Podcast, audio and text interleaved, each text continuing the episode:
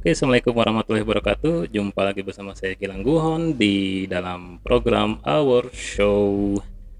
Kali ini saya akan membahas tentang ketakutan orang tua siswa di mana sekarang pembelajaran sedang dilaksanakan program daring ya, jadi belajar dari rumah dengan beberapa platform pembelajaran ya. Ada yang memang sekolah membuat sendiri platformnya jadi medianya sekolah menyediakan. Misalkan eh, sekolah mengupload video di website sekolah tersebut. Namun ada juga sekolah yang mengupload materi dari guru-guru ke platform lain yang sudah tersedia. Misalkan Facebook, YouTube, blog, dan sebagainya. Nah, timbul di sini ketakutan bagi beberapa orang tua siswa atau dari pihak gurunya pun di mana ada kekhawatiran siswa atau murid mengakses website tertentu yang memang tidak pantas untuk diakses gitu ya. Misalkan masuk di Google Search uh, atau YouTube.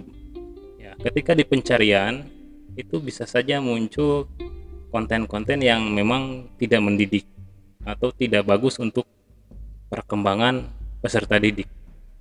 Nah, apa yang harus kita lakukan sebagai orang tua atau sebagai guru?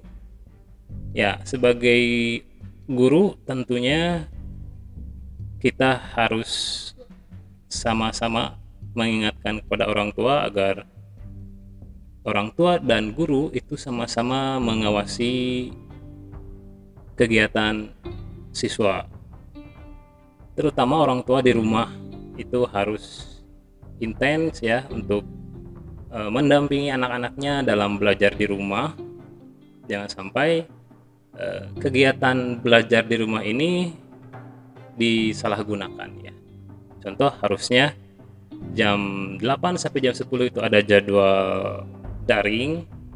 Ya anak-anak tidak menggunakan waktunya dengan baik. Ataupun ada anak-anak yang harusnya belajar daring pada waktu yang ditentukan oleh sekolah malah digunakan untuk waktu bermain Nah, itu mungkin beberapa masalah yang akan timbul ketika pembelajaran daring itu dilaksanakan. Kuncinya adalah orang tua dan guru, terutama orang tua di rumah itu harus menjaga anak-anaknya. Ya. Tanpa harus mengekang mereka, tapi tetap awasi anak-anak didik kita ya, awasi anak-anaknya, orang tua di rumah untuk melaksanakan pembelajaran daring ini sebaik mungkin. Karena guru-guru sudah menyiapkan materi untuk siswa bisa belajar dari rumah.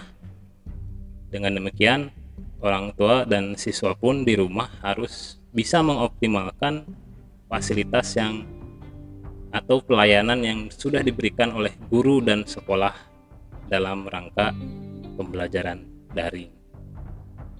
Memang sulit ya, memang sulit saya rasakan. Saya ber, bertindak double sekarang. Selain sebagai guru, saya pun harus membimbing anak saya di rumah. Lebih beratnya lagi, saya dan istri saya dua-duanya kerja. Sehingga eh, untuk materi daring saya tidak bisa live streaming. Saya hanya bisa mendownload materinya jadi nanti ketika pulang ke rumah saya sampaikan ke anak saya dan tugasnya lalu didampingi ya anak saya didampingi oleh saya atau kadang oleh mamanya.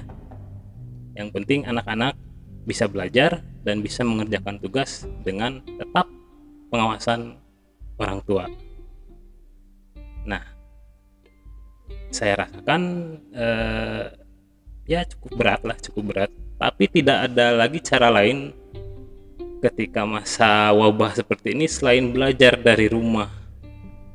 Kenapa? Sangat beresiko tinggi ketika anak-anak melakukan pembelajaran di sekolah dari rumah berangkat ke sekolah di perjalanan entah bertemu siapa mending kalau diantar jemput ya atau dari rumah diantar jemput oleh orang tua atau oleh uh, seseorang yang ditugaskan untuk mengantar jemput kita tidak tahu dari rumah berangkat ke sekolah apakah langsung ke sekolah atau mampir dulu ke mana atau sebaliknya nanti ketika pulang sekolah apakah langsung ke rumah atau mampir dulu ke mana. Nah itu hal-hal yang ditakutkan ketika pembelajaran itu dilakukan secara tatap muka di masa wabah seperti ini. Ya jadi kesimpulannya jangan takut dengan eh, platform yang ada di internet saat ini. Gunakanlah teknologi untuk mempermudah hidup kita.